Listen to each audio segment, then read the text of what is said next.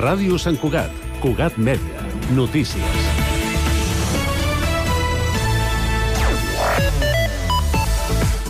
Bon dia. Sant Cugat ha esquivat grans incendis forestals aquest estiu gràcies, sobretot, a la consciència ciutadana, segons la Diputació de Barcelona i els bombers de la Generalitat. La campanya de prevenció s'ha tancat només en dos incendis forestals i 0,01 hectàrees cremades registrades, tenint en compte el context d'excepcionalitat per la sequera. Unes xifres que disten de les 0,83 hectàrees que es van cremar el 2022 i les 1,4 del 2021. Thank you La coordinadora d'AFAS de Sant Cugat ha notificat a inspecció del Departament d'Educació de la Generalitat 10 casos de famílies beneficiàries de l'ajuda a la motxilla escolar que han pagat també les quotes escolars quan, si reps aquest ajut, aquestes despeses no s'han d'abonar. El col·lectiu ha detectat l'anomalia en centres públics i concertats de primària i secundària en l'última setmana i ha alertat d'un escenari en què els més perjudicats són les famílies vulnerables. La coordinadora explica que hi ha centres que no estan informant d'aquestes ajudes i giren rebuts d'unes quotes que suposen mal de caps per a les llars amb menys recursos. En Comú Podem insta l'Ajuntament a diagnosticar l'estat i definir l'ús d'aquells edificis municipals que necessiten rehabilitació o estan en desús. Per això el grup municipal porta al ple una moció per constituir una comissió de treball que s'encarregui d'aquesta tasca i concreti quines actuacions s'han de fer a les masies de Can Rebella, Can Canyameres, Can Montmany, la Casa Forta de Torre Negra, Villa Montserrat, l'edifici antic de l'Ajuntament i els baixos de la plaça de l'1 d'octubre. I la CUP proposa implantar a Sant Cugat la taxa Amazon, és a dir, una taxa que gravi els grans operadors de postals, de repartiment de paquets, per l'impacte que tenen sobre el municipi, tant en la mobilitat com el greuge que generen en el comerç local i de proximitat. El grup municipal elevarà la seva proposta amb una moció al ple municipal d'octubre. I en esports, les jugadores del Solideo Patiu Gay Club Sant Cugat, Alba Costa i Paula Roldán han guanyat l'Eurohockey Cup Sub-17 amb la selecció espanyola. Les santcuatenques han derrotat per 6 gols a 1 el Baldacno italià a la final de la competició disputada a Blanes. Alba Costa ha fet un hat-trick a la final i ha estat escollida en l'equip ideal de la competició. Costa s'ha incorporat a aquesta temporada al club santcuatenc procedent del Palau. Per la seva banda, Roldán s'ha format des de la base al Club Vermell i Negre i competirà amb el juvenil del Patiu Hockey Club Sant Cugat. Cugat Mèdia, la informació de referència a Sant Cugat.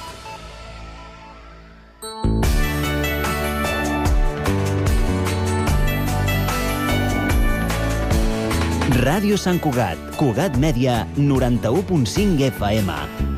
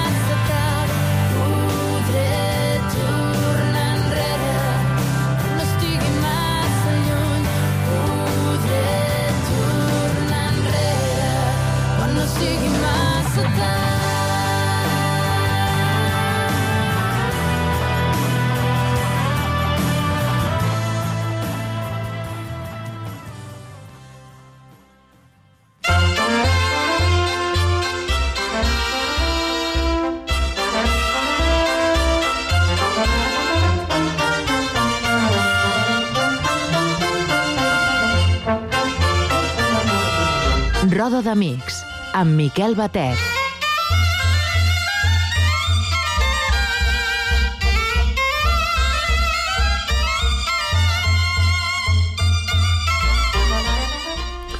Bon dia, amigues i amics de la Sardana i de Ràdio Sant Cugat. Rebeu salutacions de qui us parla, Miquel Batet, editor del programa, i d'en Pablo Palenzuela, al control tècnic. El passat dia 2, aquest dilluns d'aquesta setmana, van començar els cursets d'ensenyament de sardanes a càrrec de l'entitat sardanista de Sant Cugat. Això tindrà lloc tots els dilluns fins a finals de, de desembre, de 7 a 8 de la tarda, al vestíbul del auditori. Apunteu-s'hi. És convenient que tots, tots i totes sapiguem ballar sardanes. Canviem de tema. El diari Avui va publicar un article de l'activista cultural Josep Gaspar. I, bueno, qui era en Josep Gaspar? En Josep Gaspar va ser llicenciat en dret, protagonista destacat dels fets del Palau, va participar en la creació d'Adixa i de Cabellfort, també va intervenir en la campanya Volem bisbes catalans, en la Constitució de l'Assemblea de Catalunya, en la Fundació de Convergència Democràtica de Catalunya i també en la Fundació del diari Avui. Secretari General del segon Congrés Internacional de Llengua Catalana i membre fundador i director de la Fundació Universal de la Sardana. O sigui, tot un, tot un personatge. Va ser un gran activista i un gran catalanista. Bueno, l'escrit diu això, si plau.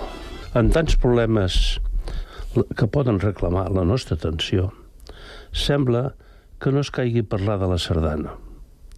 I es cau, perquè el nacionalisme és cada vegada més una manera d'entendre el món en la diversitat, en la riquesa de la varietat, en la necessitat de mantenir-la i potenciar-la. Nosaltres tenim, per exemple, en la sardana aquell toc de personalitat que ens ajuda a configurar la ser nacional. Però no li donem prou importància. Quan un visita països relativament moderns, s'adona del valor de tenir un folclore viu i veu com els pobles que en tenen fan el possible per mantenir-la. Nosaltres tenim la sardana, que no és una relíquia que cal fer reviure artificialment, que té connotacions de culte, de dansa nacional, que és una realitat constatable, existent, que es fa palpar i no sabem valorar-la. Tinguem les idees clares. Els signes d'identitat són fonamentals, sobretot per als pobles que tenen problemes de reconeixement nacional pendents.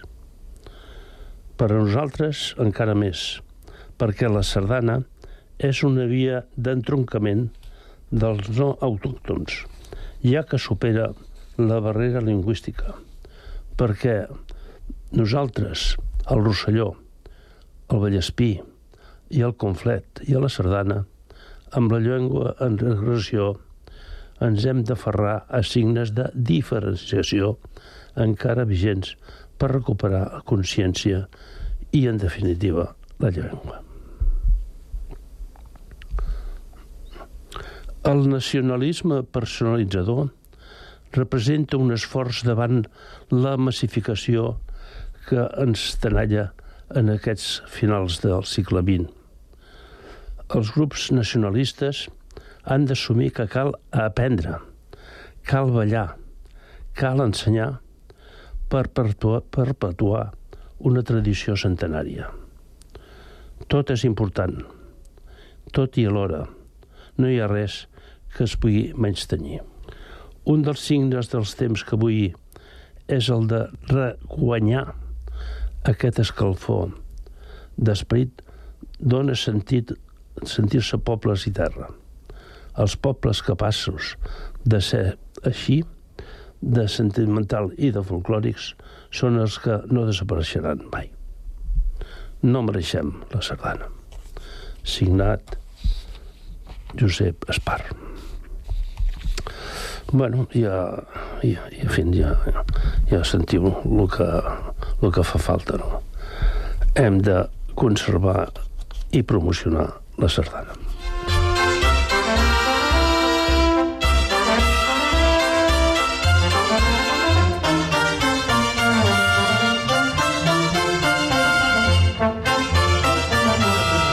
Roda d'Amics, amb Miquel Batet.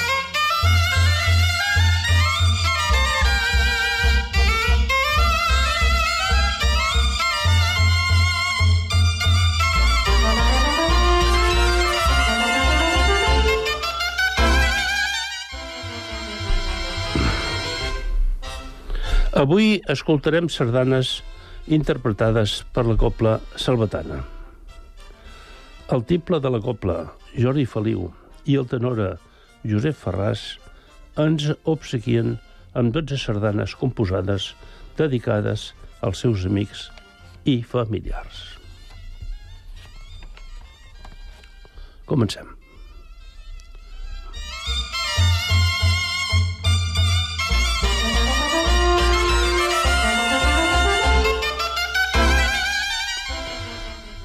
La primera sardana es titula Lídia i Cristina, on en Josep Ferràs la dedica a la seva esposa Lídia i a la seva filla Cristina.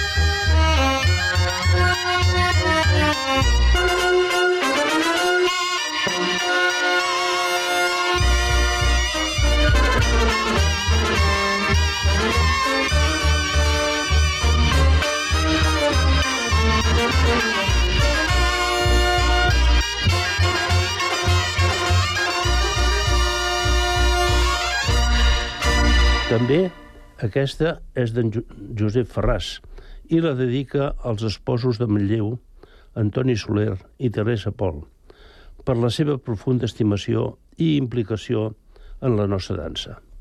El títol és Antoni i Teresa.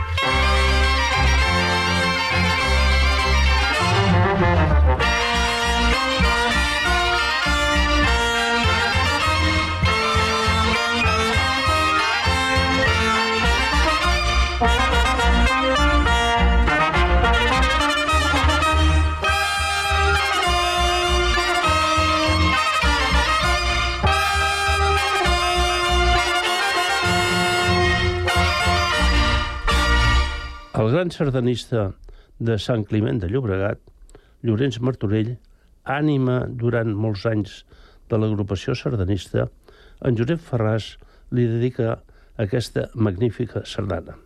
Es titula 1950 a Cal Masover.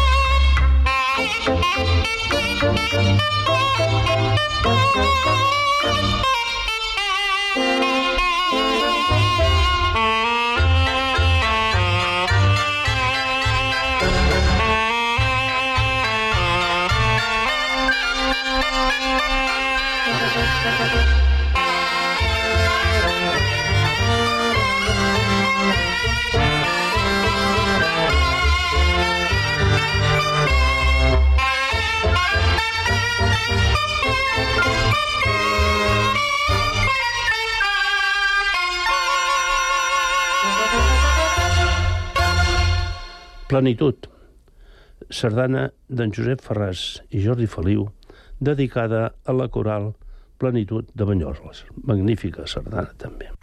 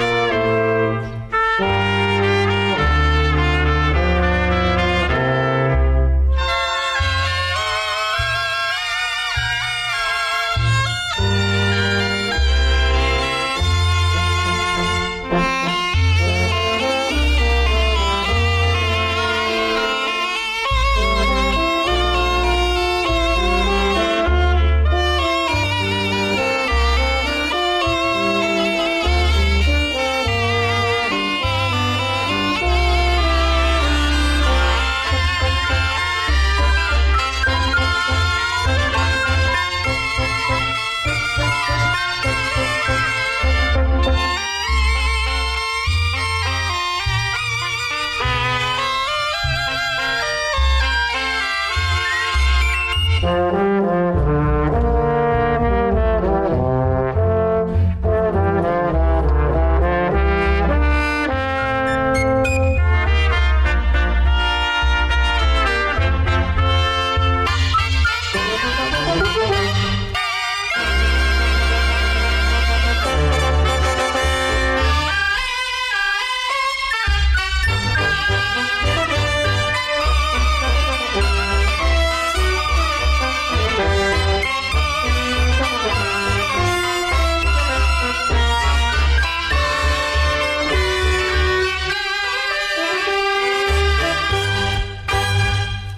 Jordi Feliu va escriure aquesta Montse, la veu del Sardanadal, dedicada a Montse Esteller, genial presentadora del Sardanadal de les Borges Blanc.